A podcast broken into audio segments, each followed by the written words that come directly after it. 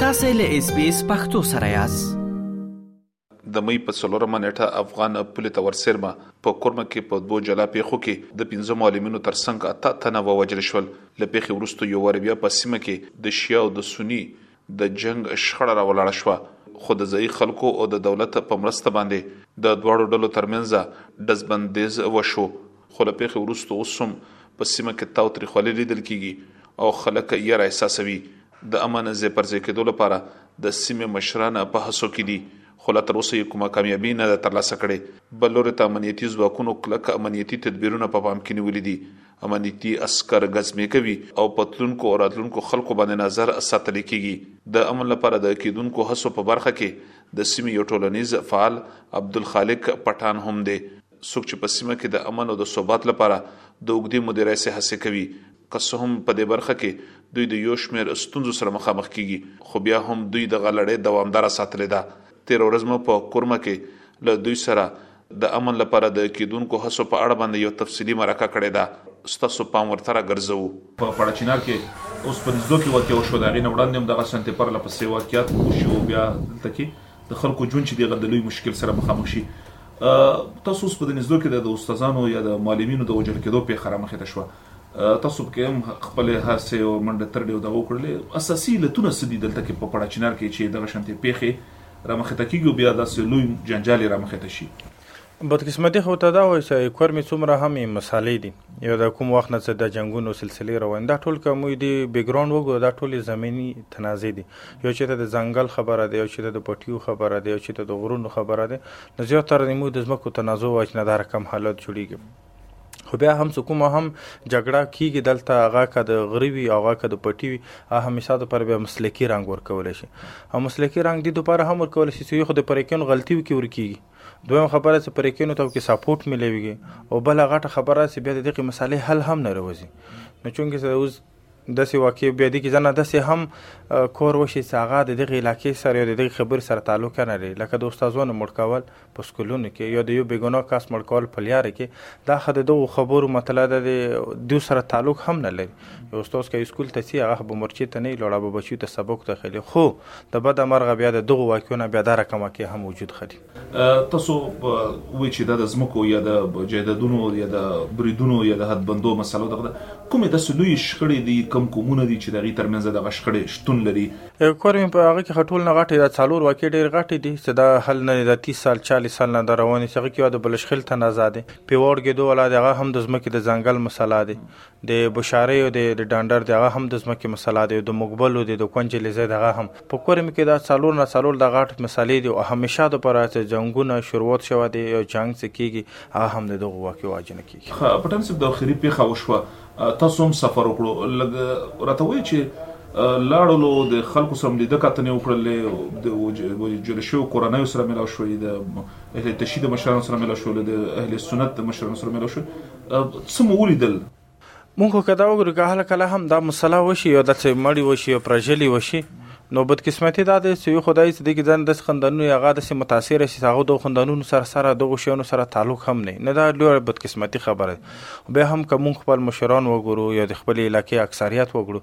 ټول خلک دې شي نه غواړي چې را جنګ وشي هغه نه غواړي چې لارې بند شي هغه نه غواړي چې بېګناه خلک مړه شي خو دا به تر هغه وخته پرې دا شی به جاري وي اسلام ګل صاحب تر څو پرې چې موږ دغو تنازعو نه تښتو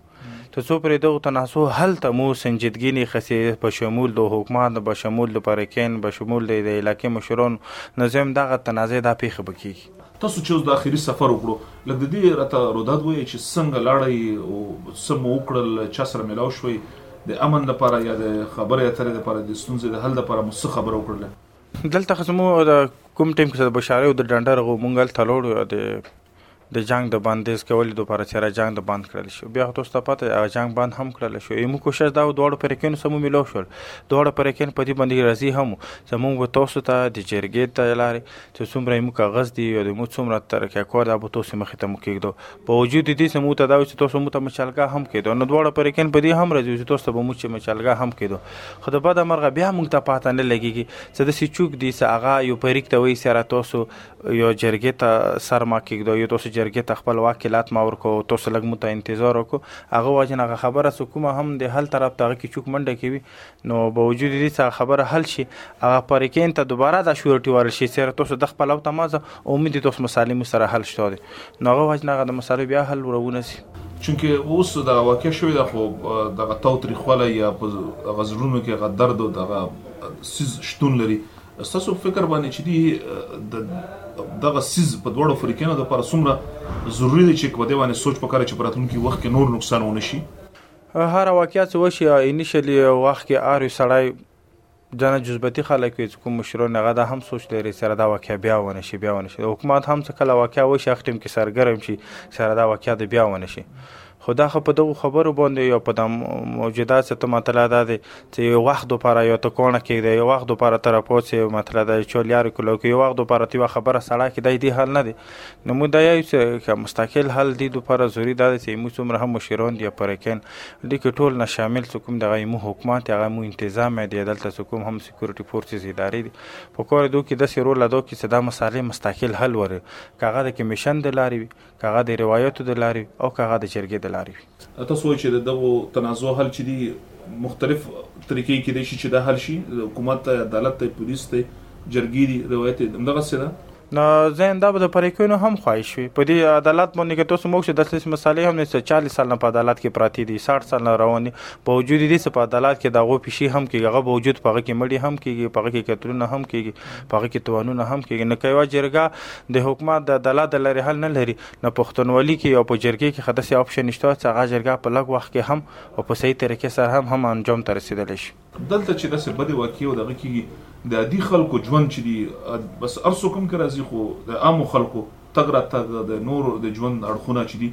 څومره اغیزمن کیږی څومره متاثره شی. ټولو نه غاټ خبره خدا چی کله هم جنګ غشی ایمو بزرونه اب متا وال بر بدی مخ ګوری او تو ته پاسی بزرونه اکثر غریب خلک ابو دی او د مو په علاقه کی بل روزګور څه سلسله شته نه دلته که چوک ګوړی چلی هغه که دلته چوک ریړا چړی یو د لوس مزدوری کی هغه سیرف دومره کی چه خپل بچیو ته د دو وختو ټیکاله اوسی. نو چونکه اکثریت مو علاقې خلک زمیدار خلک د اکثر د بازار ترڅی بازار کې مزدوري کوي نو که کله هم د سیالو ته غشین هغه خلک چې هغه د خپل بچو لپاره د دوه وختو ټیکالې بندوبست کوي چې په هغه باندې بازار بند شي په هغه باندې لیارې بند شي د هغو راتګ تګ راتګ بند شي او دلته یو داسې پیزا جوړ شي چې کوم افغانستان کوم خلک رسي د روډ د لارې دلته څمل ته کوم غي د غلاکې ته کوم ترانزیټ پوینټ چې کوم وته یو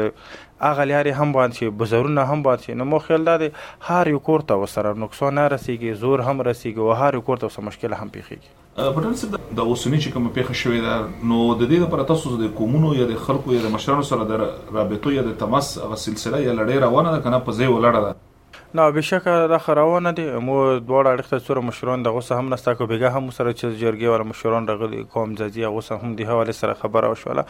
خدای یاد سه بد مرغه د سه پیخه شوی دي چې اکثر په پاریکینو کې او په اکثر په او خلکو کې سکوم پر دا استادان وفات شوی دي په دې په سره په ټول علاقې کې واده سه پیزا جوړ شوی دي چې بعضو کې کوم د خبري گنجائش پیدا کوه د خبري گنجائش هم زیات مشکلي